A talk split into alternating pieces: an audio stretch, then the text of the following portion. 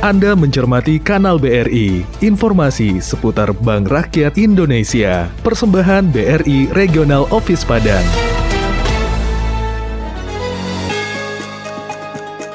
BRI melayani setulus hati.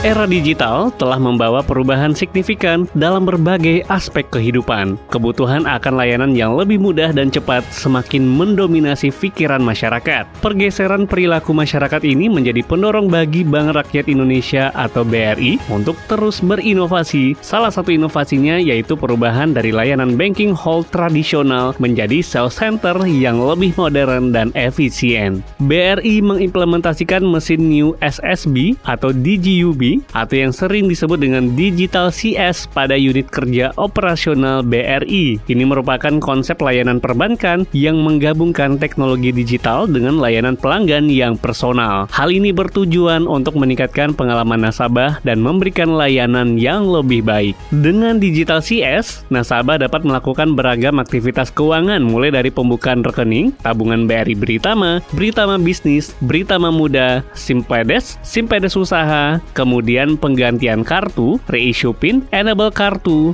passbook printing atau card and cardless, cetak rekening koran card and cardless, kirim rekening koran via email card and cardless, cetak 5 transaksi terakhir card and cardless, hingga penerbitan kartu debit. Digital CS memudahkan nasabah dan mengurangi antrian di kantor cabang. Tidak hanya itu, Digital CS juga membantu meningkatkan proses bisnis dan memberikan pengalaman pelanggan yang mulus dari awal hingga akhir.